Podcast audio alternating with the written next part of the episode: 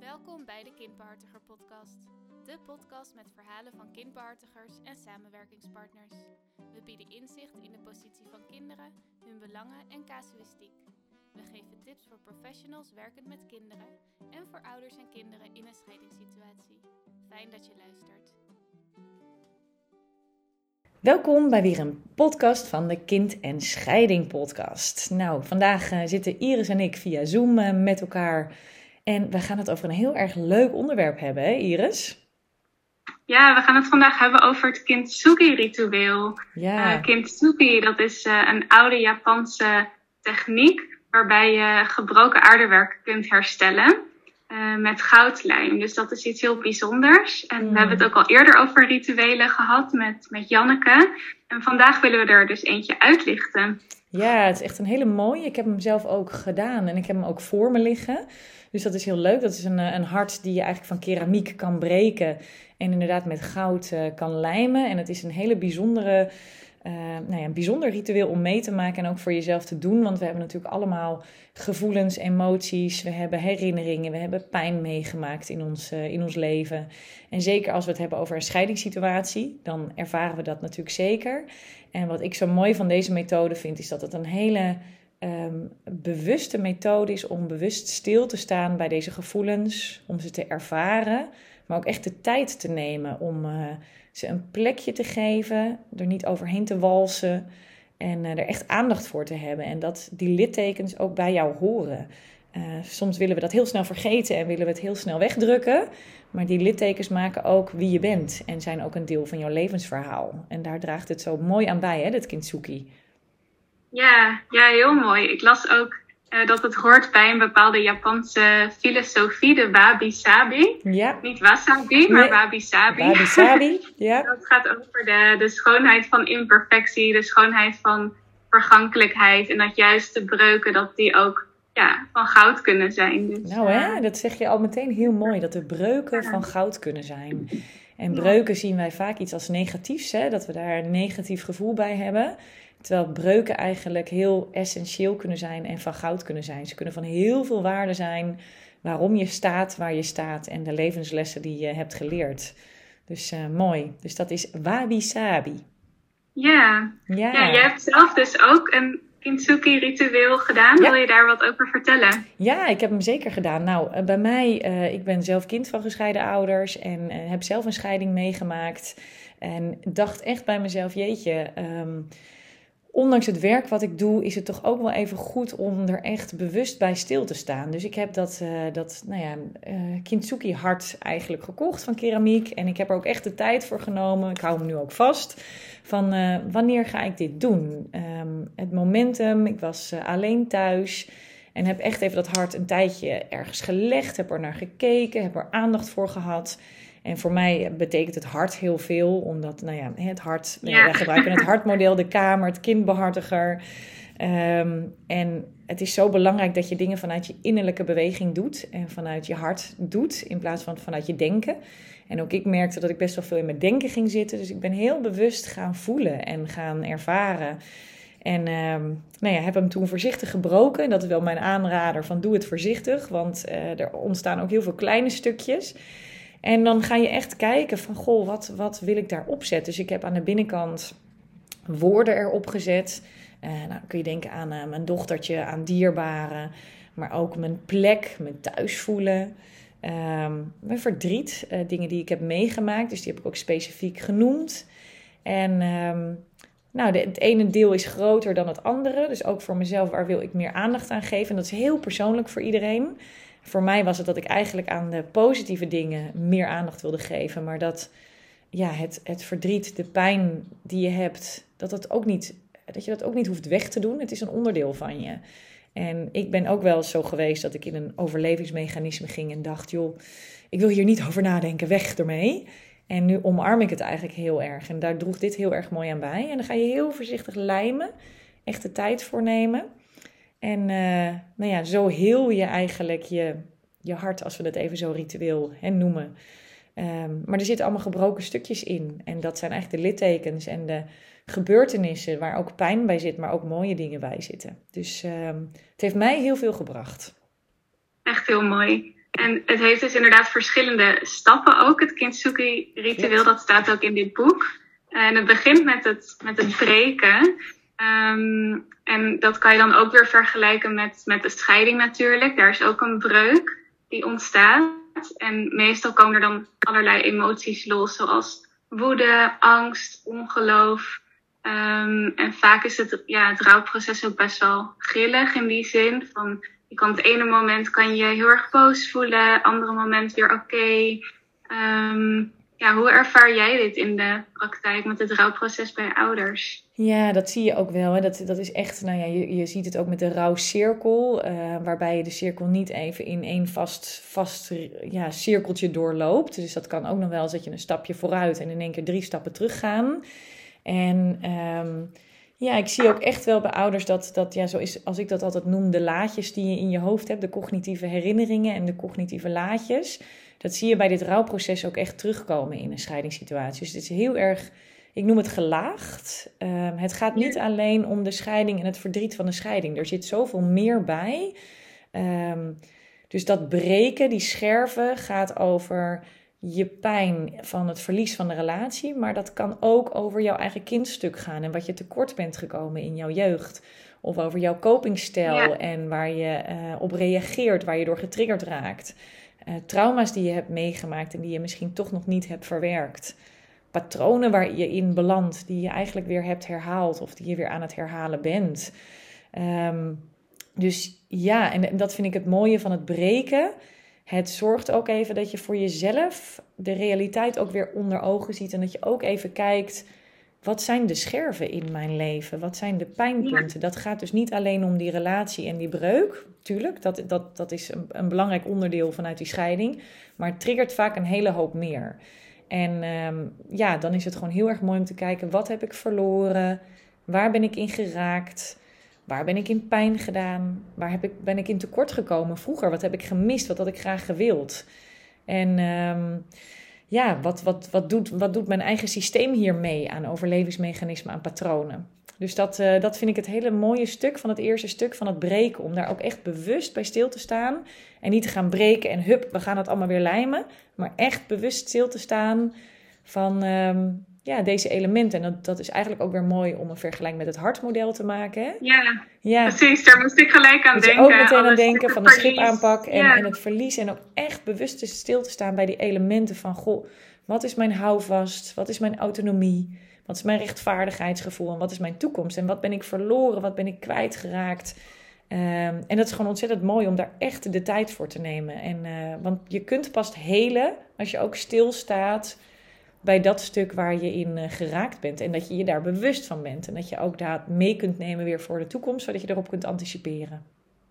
Ja, ja voor kinderen is het denk ik natuurlijk ook veel groter, hè, het verlies. Het is niet alleen mm. het gezin dat uit elkaar valt, maar wat je bijvoorbeeld ook ziet als er een nieuwe partner uh, bij komt, dat het verlies van even helemaal papa of helemaal mama, dat het, dat dan ook uh, speelt. Um, kan jij misschien nog wat noemen wat jij ziet dat kinderen verliezen? Ja, en dit is ook een hele mooie. Dit zou ook een heel mooi ritueel zijn om met kinderen te doen. Uh, dus ik heb hem in mijn praktijk ook al wel eens gedaan met een meisje.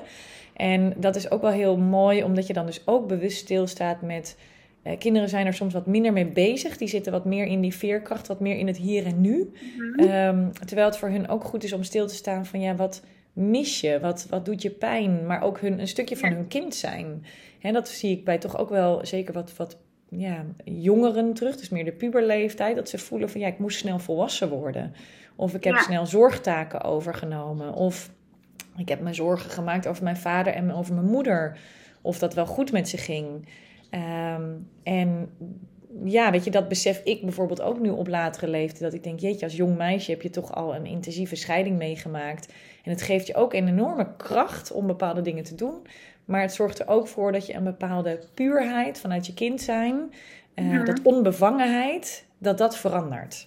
En uh, ja. dat laten kinderen ook wel veel terugkomen. Ja, en het is ook wel mooi als je, tenminste dat probeer ik ook wel eens te doen, om voor je innerlijke kind te zorgen. Ja. Zeker in de zomervakantie is dat uh, een perfecte tijd. Dat je weer lekker gaat knutselen of dansen of dingen doen uh, die je als kind heel graag deed. Ja. Uh, wat, wat, wat, zijn dingen die jij kan, kan doen om je innerlijke kind blij te maken? Heb jij ja. ook bepaalde rituelen daarin? Nou, wat ik een hele mooie vind, en dat is misschien, misschien tenminste voor mezelf, uh, meer een bewustzijnsiets. En dat heeft misschien ook met deze scherven te maken en het breken en de pijn waarin je zit. Um, waar komt deze pijn nou vandaan? En wat ik eigenlijk voor mezelf altijd en in mijn, in mijn praktijk ook met ouders doe en met kinderen doe, want we hebben dat allemaal in ons. Je hebt een stukje volwassen, volwassen persoon, hè, dan hebben we het even over de ouders, of je hebt het kind wat op deze leeftijd zit. Maar je hebt dus ook dat kleine kind, dat innerlijke kind wat verdriet heeft, wat tekort heeft gedaan. En je hebt je coping. Uh, hè, dat, je, dat je wegloopt of dat je juist in de aanval gaat of in de verdediging gaat. En het is juist heel mooi om je eigenlijk bijna als soort duplo-poppetjes dat neer te zetten. Van oké, je hebt je persoon, de ik nu, en je hebt je kleine kindstuk en je coping, die staan erachter. En wat je vaak ziet is dat jouw coping of jouw kleine kindstuk aan het woord zijn als je getriggerd wordt. En dat die degene is die in contact met anderen treedt. En dat betekent eigenlijk dat daar een tekort zit of daar een behoefte zit. En we zoeken dat vaak bij anderen. Dus we zoeken vaak dat anderen dat voor ons goed maken. En dat is ook weer zo mooi bij deze scherven van hè, wat had jij graag gewild, maar wat kan jij jezelf geven? Door lief te zijn voor jezelf, door voor jezelf te zorgen, door ehm, positieve gedachten naar je uit, dus zelf uit te spreken. Ik heb echt ontdekt, ook in mijn praktijk, hoe sterk de wereld van onze gedachten zijn. Maar je bent niet je gedachten. Je kunt controle hebben over je eigen gedachten. En dat kun je ook tegen je innerlijke kind zeggen. En een hele mooie is om een visualisatie te doen. Dus dat je eigenlijk echt gaat nadenken: oké, ik zit hier als klein kind op een bankje. En mijn grote ik loopt langs me en die vraagt aan mij: wat heb je nodig? En dat je echt even voelt: zou ik nu een knuffel willen? Zou ik nu dat iemand willen dat iemand me met rust laat? Zou ik eigenlijk een luisterend oor willen? Wat heb ik nu nodig? In plaats van dat je gaat schreeuwen of dat je eh, van je kern afgaat. Wat, wat zou mijn innerlijke kind nu nodig hebben? En dat is heel mooi om over na te denken. Ja, super mooi. Dat is inderdaad dan het stukje, stukje lijmen, denk ik. Ja. Um, in het Kintsugi-ritueel. Van hoe kan je de ja, dingen die gebroken zijn lijmen. Uh, de volgende stap is rusten. Hmm. Uh, wat in het boek staat is eigenlijk dat het gaat over groei, uh, ondersteunen in stilte door niets te doen. Hmm. Um, ja. En dat is best wel lastig, denk ik, in een maatschappij waarin we ja, niet zo snel stilstaan, altijd maar doorgaan. Uh, allerlei verwachtingen die er ook zijn binnen de maatschappij. Hmm. Um, ja, vind jij het zelf wel eens lastig om stil te staan? Hey. Hoe zie jij het? ja. nou ja, je kent mij als een nogal bezig bijtje. En uh, ja. Uh, dat ja, kijk, als je dan eigenlijk naar het kintsugi-ritueel kijkt, hè, dan is het dat stukje breken. Daar zit echt die pijn, die rouw. Dan ga je het voorzichtig lijmen. Je gaat het aan elkaar maken.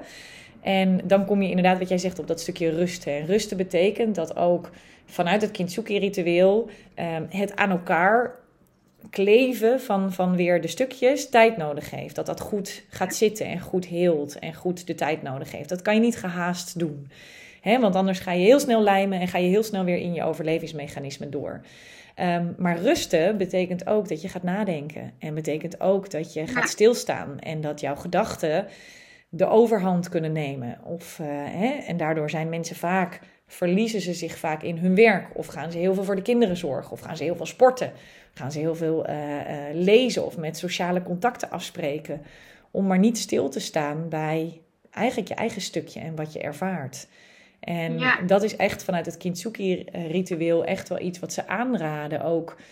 Um, ja, dat, dat zuurstofmasker opzetten. Neem de tijd voor jezelf. Ga wandelen. Luister naar de stilte. Luister eens wat er naar binnen in jou gebeurt.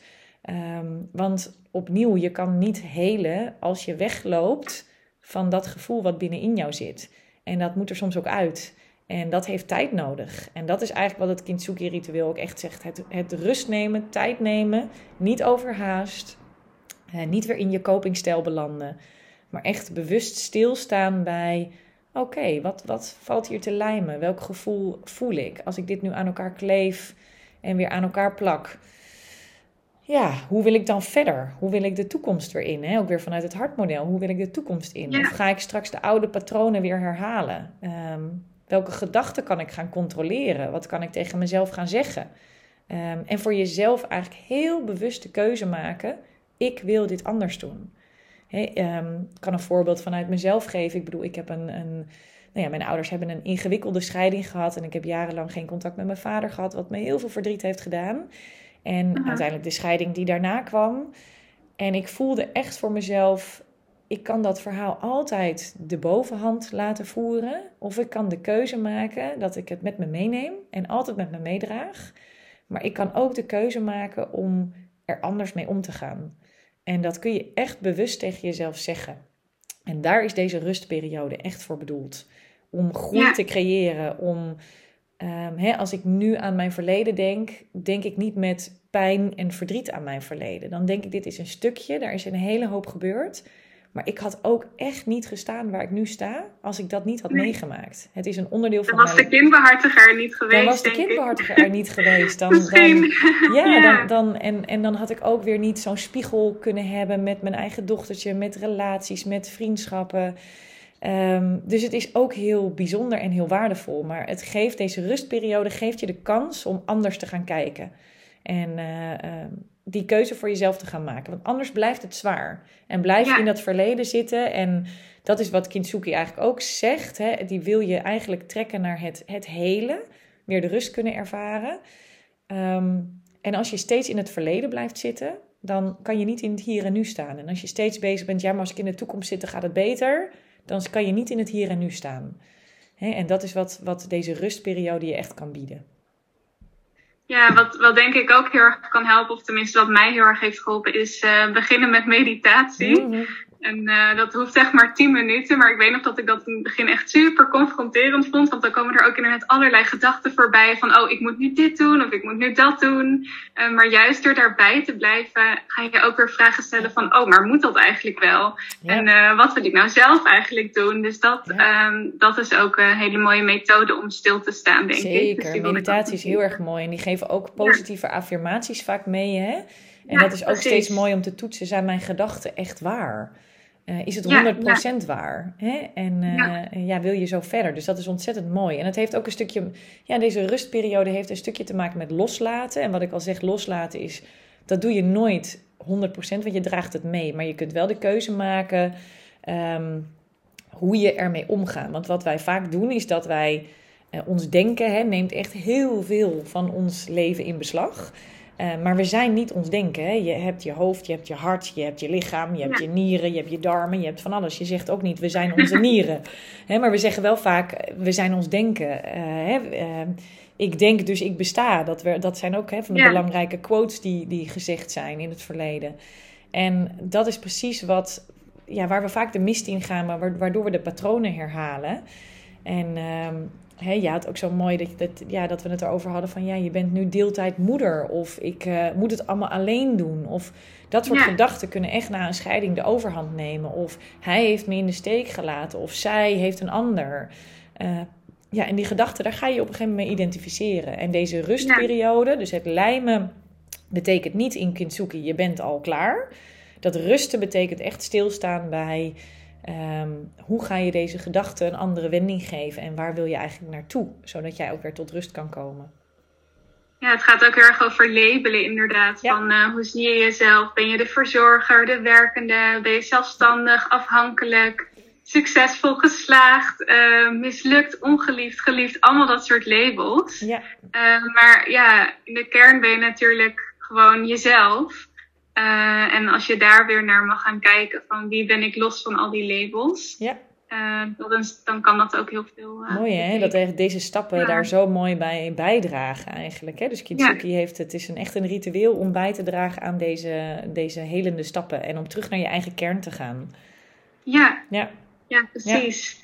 Dan zijn er inderdaad nog twee stappen. na het rusten is het in oude staat brengen. Um, en dat gaat dan eigenlijk over het lakken van de breuken, dus dat die wat sterker worden. Uh, dat gaat ook heel erg over veerkracht. Dus uh, nou ja, als je het dan over een scheiding hebt, een beetje van de slachtofferrol gaan naar oplossingsgericht denken. Dus van waarom nou ik naar wat kan ik zelf doen. Ja. Um, en daarbij moest ik heel erg denken aan parallel ouderschap. Dat je ook uh, de focus naar jezelf verlegt in plaats van de andere ouder. Zie jij ook dat uh, ouders die parallel ouderschap gaan doen, veel persoonlijke groei doormaken in die zin. Ja, en dat is ook dat is zo'n mooie stap om te zetten. Hè? Want het is zo makkelijk om ons op de ander te richten of over de schutting te kijken. En de ander heeft jou iets aangedaan waardoor je ook in dat slachtofferstuk kunt blijven zitten. En dat is eigenlijk de makkelijke weg. De moeilijkste weg is om naar jezelf te kijken en die persoonlijke groei. Maar het is wel de meest krachtige weg. Uh, en dan kom je ook weer veel meer tot jouw echte innerlijke zijn, jouw echte innerlijke kern. En dat zie ik in parallel ouderschap heel erg, omdat we dus eigenlijk een, een, ja, een, een schutting eigenlijk tussen twee ouders plaatsen. Waarbij er hele strakke afspraken zijn en waarbij ze veel minder communiceren met elkaar. En het echt het belang is dat de focus op zichzelf wordt gelegd. Echt op jouw eigen gedachten, jouw eigen manier van communiceren, jouw eigen relatie met de kinderen, hoe je die in stand wil houden hoe je um, uh, jouw kind wil stimuleren om in contact met de andere ouder te staan. Dat je daar zelf aan bij kunt dragen. En dat maakt jou uiteindelijk tot een, ja, uh, een, een fijner persoon, ook voor jezelf. Op het moment dat je boos blijft op die ander, of verdrietig blijft over die ander, of in die slachtofferrol blijft, dan trekt dat heel veel energie van je weg. Wat uiteindelijk ook zijn effect op je lichaam gaat hebben. Hè? Want je kan kwaaltjes krijgen, die stress die doet een hele hoop. En het heeft zijn ja. weerslag op de kinderen. Um, dus het is ook echt belangrijk om daar uh, de aandacht voor te hebben. En dat is ontzettend moeilijk als je in al die emoties zit. Daarom is het ook zo mooi van dit Kintsugi-ritueel dat je bij het breken echt stilstaat bij al die emoties. Bij al die pijn, bij al die rouw, bij al die verliezen. Um, alles wat je voelt aan slachtofferschap, aan wat er is gebeurd. Dat je daar echt de tijd voor neemt. En dat je na een stukje rust echt kijkt, oké... waar ga ik mijn eigen aandeel nu in nemen? Om weer tot ja. mijn kern te komen en tot de betere versie van mezelf te komen. En daar kan opruimen, ja, het opruimen in jezelf echt enorm bij helpen. Ja, echt een beetje het idee van, van klacht naar kans is wat er nu in ja. me, me opkomt. Ja. Dus dat je ja, de scheiding eigenlijk omvormt tot een, een mogelijkheid tot persoonlijke groei. Doordat je opeens bepaalde dingen nu zelf moet gaan doen die je vroeger niet deed. Ja, uh, en je daar ook weer verder in kunt ontwikkelen. Ik heb het boek uh, toevallig hier liggen van Klacht naar Kans. Dus dat is zeker een aanrader. Oh, ja. Die heel mooi. Ja, wat toevallig. Ja, dus die, ik kijk er nu toevallig naar. Dus die is ontzettend mooi ook als aanrader in dit stukje. Van, uh, om daar ook weer tips uit te halen voor jezelf. zie het inderdaad de scheiding als en een pijn, verdriet, breuk. Maar ook als een kans voor een persoonlijke groei. Um, want dat volgt er echt op als je, als je die kans wil aangrijpen. Ja. ja. ja. En dat betekent dus dat je sterker en veerkrachtiger kan worden. En dat je tot een andere kennis van jezelf kan komen. En dat is ook ontzettend boeiend. Dus dat is ook weer heel ja. erg leuk. Ja. Ik ja. denk dat de laatste stap er ook weer heel mooi bij past. Want dat gaat heel erg over zelfliefde, zelfacceptatie. En dat is het vergulden. Ja. Dus ja, het, het, de gelijmde randen goud maken. Want dat doe je dan geloof ik met een soort ja. poeder of verf. Ja. Hoe heb jij dat gedaan? Ja, kijk, het, uh, echt als je het kintsugi zoals het vanuit het boek... want die ja. dat zullen we straks ook nog wel eventjes noemen... Hè, en die zullen we ook bij de podcast erbij vermelden... Uh, daar is het echt veel, uh, ja, daar is het echt het Japanse werk. En wat ik zo mooi vind, is dat ze daar voorbeelden in het boek noemen van iemand die bijvoorbeeld een oud kopje komt brengen. En dat kopje had enorme betekenis, want die hadden ze bijvoorbeeld gekregen van iemand van een familielid of was al jaren in, in de familie aanwezig, zijn lievelingskopje. En die werd helemaal um, door het kintsugi-ritueel. Hij was eerst gebroken, werd, uh, de scherven werd gelijmd, werd verguld, werd helemaal weer in oude staat teruggebracht. Uh, om daarna weer nieuwe betekenis eraan te geven. Uh, het ritueel wat wij hier in Nederland met het hart kunnen doen, is inderdaad het breken en het voorzichtig lijmen. En dat gebeurt met een soort inderdaad gouden lijm wat erbij zit. Dat, dat, ja, hè, dat, um, en daarna laat je hem rusten, want hij moet natuurlijk weer plakken. En dat betekent eigenlijk ook dat je de tijd die je neemt om dit proces te doen, stil te staan bij die breuken, um, het hart eerst ergens neer te leggen voordat je hem gaat breken, betekent al dat je in dat ritueel bezig bent. En uh, dat vergulden, dus dat in dat, ja, het, het met dat gouden lijm uh, vastplakken, dat is ook echt wel uh, iets wat je heel voorzichtig doet en met aandacht doet. En um, dat zie je hier dus ook wel. Um, we besteden eigenlijk heel weinig aandacht aan onszelf. Hè? Soms wordt het ook bijna egoïstisch genoemd als je aan jezelf denkt. Um, maar ja. jij kan pas in je kracht staan als jij oké okay bent met jezelf. En als je bijvoorbeeld kunt ervaren, hé, hey, ik ervaar geen eenzaamheid meer als ik met mezelf ben. Um, mm-hmm. Ondanks dat ik mensen om me heen heb, maar voel ik me niet meer alleen bijvoorbeeld. ehm, dan voel je echt van, hé, hey, ik kan mezelf zijn, ik ben in mijn kracht, ik ben oké. En dat is eigenlijk wat ze bij dit vergulden benoemen. Dat je dus ja. de pijnpunten blijft dragen, je breuken zullen blijven, die zullen niet ineens voorbij zijn. Uh, alle scherfjes zijn de herinneringen van jou als persoon in jouw levenslijn. En daar zullen nog meer volgen. Maar die kun je door dit proces in jezelf meedragen, um, waardoor je in rust en meer uh, kracht kunt ervaren en meer zelfliefde kunt ervaren. Ja, super mooi. Ja. Echt mooi. En als je nu naar het hart kijkt en de, en de gouden lijnen, wat, wat is dan het eerste wat er in je opkomt voor jezelf? Ja, nou ja, wat, wat, wat ik heel leuk vind, wat is misschien even om mooi te omschrijven, is bij mij is er, zit, is er één heel groot stuk. En dat vind ik wel echt heel erg leuk. Mhm. Een groot stuk en een iets minder groot stuk, maar die twee zijn ongeveer even groot. En um, we zeggen eigenlijk altijd als eerste: uh, wie is de belangrijkste persoon in je leven? Nou, als ik daar aan over, over nadenk, is dat meteen mijn dochtertje. En toch heb ik in dit Kintsugi-ritueel bedacht dat ik zelf het grootste stuk heb gekregen. En mijn dochtertje daarna. En niet oh. omdat zij op de tweede plek staat, want zij staat voor mij voorop alles. Maar ik kan haar pas voorop zetten als ik zelf helemaal oké ben. Als ik zelf niet in mijn kracht ben, dan heeft zij daar last van. Als ik geïrriteerd ben, heeft zij daar last van. Als ik moe ben, overspannen ben of gestrest ben of noem maar op, heeft zij daar last van. En dat is mijn boodschap aan mezelf. Dat grote stuk is niet een soort egoïsme van ik moet vooral aan mezelf denken. Maar wel, uh, ik moet goed zelf oké zijn. Dan kan ik heel goed voor haar zorgen. En kan ik ook goed omgaan met die andere stukken van pijn en verdriet. Maar kan ik ook mijn dierbare aandacht geven. Uh, kan ik me goed focussen op mijn werk? Um, en kan ik ook met die verlies-verdrietervaringen beter omgaan? Dus dat is eigenlijk wat mij in mijn hart ja, is bijgebleven. In, uh, in, en hoe deze stukken, ja, jij, jij zit er naar te kijken, want we doen dit via Zoom. Ja. Hè? Hoe deze stukken ook allemaal met elkaar verbonden zijn in mijzelf. Ja. Het is dus echt een geheel.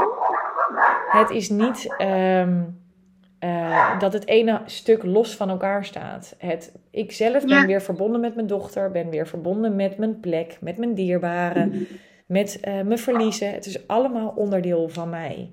En uh, ja. ja. je kan ook een beetje een soort trots er naar kijken. Van, en zeker als je dan uit een beetje dat, dat diepe dal komt. Hè, want dat is met een scheiding. Mensen voelen echt soms dat ze in een enorm diep dal terechtgekomen zijn. Uh, maar het kan je ook houvast geven als we het dan weer over het hartmodel hebben. En je herinneren aan, oh ja, autonomie, wie wil ik zelf zijn en waar wil ik naartoe? Wil ik in dat verlies blijven hangen of wil ik het positieve een groter aandachtspunt geven? Dus ja, ik kan er alleen maar heel mooi naar kijken en hoe de dingen verbonden zijn. Ja. ja prachtig hoe mooie inzicht je inderdaad kan krijgen uit zoiets ja, relatief simpels als wat stukken en, en lijm. Ik vind dat echt heel mooi. Ja, het is heel erg mooi hè. En ik vind ook echt het, ja, ik vind kintsugi is gewoon een, een prachtig, ik vind het een prachtig woord. Hè. Ik vind het een prachtig uh, ritueel. Ik vind het zoveel zeggen vanuit uh, echt de, ja, hoe, hoe ze dat in Japan doen. Met zoveel beleid, met zoveel rust, met zoveel um, kracht. zo met je aandacht erbij zijn. En dat is eigenlijk de boodschap die het, die het meegeeft. En dat vind ik voor kinderen ook ontzettend mooi. Dit is ook echt een ritueel wat wij in onze kindbehartigerpraktijk heel mooi kunnen doen. Um, Om met kinderen echt te kijken aan het eind van een traject. Um, hoe kunnen we jouw hart uh, een beetje helen? Hoe kan je de dingen een plek geven? Want ook kinderen gaan in hun overlevingsmechanismen zitten. Die gaan proberen de dingen weg te drukken. Die gaan proberen zich te focussen op school of op vrienden en maar niet over die scheiding nadenken. Terwijl het eigenlijk zo belangrijk is dat het aandacht mag krijgen. Dat ook de pijnpunten aandacht mogen krijgen. Ja, absoluut. En het gaat dan heel erg, denk ik, inderdaad om het timen van het juiste moment. Dus wanneer doe je dat uh, ritueel? Dat, dat kinderen en ook ouders eraan toe zijn. Ja, want dat is misschien wel mooi wat jij aangeeft. Um, dit is ook echt goed om te doen op het juiste moment. Dus dat is heel mooi dat jij dat ook benoemt. Want op het moment dat je dit doet, als je net midden in je rouwproces zit en je zit sky high in je emoties, dan kan je niet zo bewust ermee bezig zijn. Dus echt die eerste emoties moeten even zakken. Um, uh, dus je moet even door die eerste scheidingsfase heen zijn. Om dan rustig te kunnen gaan zitten voor jezelf en er aandacht voor te hebben Hey, en misschien is het nog wel mooi, want we zeiden al van, uh, van uh, klacht naar kracht hè, is een mooie um, als boekentip. Ik uh, vind ook nog wel een mooie om het boek van, van Eva Wolf te noemen, De Bloem. Dat is ook echt een enorme mooie, die hier ook weer heel veel aandacht aan geeft. En heel veel um, ja, bewustwording op geeft. Um, heb jij nog boekentips? Of in ieder geval dat we ook het Kintsugi-boek kunnen aanraden, waar mensen deze ja. kunnen vinden. Ja, het Kintsugi-boek heet Scherven brengen geluk, de Ja. kunst onze wonden te helen. Ik zie alleen de naam van de auteur niet bij staan, maar dat is denk ik in het Japans. Ja, maar eh, hij is, is gewoon op bol.com te vinden van uitgeverij Lantaarn. Dus ja, mooi. En, we kunnen hem ehm, ook in de show notes zetten. Ja, dat zullen we zeker doen. En wat heel mooi is, als mensen dit ritueel voor zichzelf willen doen, dan kun je dus online zoeken naar het Kintsugi hart. En die kun je in verschillende kleuren bestellen. Er zijn verschillende, nou volgens mij, bedrijven waar je dit kan bestellen. Ehm, eh, ik heb er toen eentje gevonden in de Open Your Heart Studio, het Kintsugi hart. En eh, nou ja, dan wordt het heel mooi thuis besteld, waar ook de beschrijving erbij staat, wat het betekent, eh, hoe je het aanpakt ehm, om dit ritueel eigenlijk voor jezelf uit te voeren. Dus ehm, nou, is misschien ook een handige dat mensen dat weten. Fijn dat we het hier met elkaar over kunnen hebben. En ik hoop vooral dat de term Ja. kintsugi een eh, plekje krijgt bij mensen in hun, eh, in hun systeem. Als wetende de kans om je eigen wonden te helen. En eh, nou ja, daar niet overheen te walsen, het met je mee te dragen. Maar ehm, dat de breuken ook een stukje van je levenslijn zijn. En die met je mee kunnen blijven gaan, maar niet als ballast. En dat dat heel erg mooi, Ja. Kintsugi daar een hele mooie, heel mooi aandeel in kan hebben. Ja, dankjewel Marike ook voor het delen van jouw eigen verhaal daarin. Ja, Echt tuurlijk. heel mooi, een Ik hoop dat het voorbeeld. mensen helpt en eh aanspoort om, eh, om er iets mee te doen. Fijn dat we deze podcast weer konden opnemen met elkaar. En eh, nou, dank voor de luisteraars voor het luisteren. En tot een volgende keer heel graag weer. Dankjewel voor het luisteren naar deze podcast. Als je meer wil weten over de kindbehartiger, ga dan naar kindbehartiger.nl of naar de Instagram pagina @kindbehartiger. Tot de volgende keer.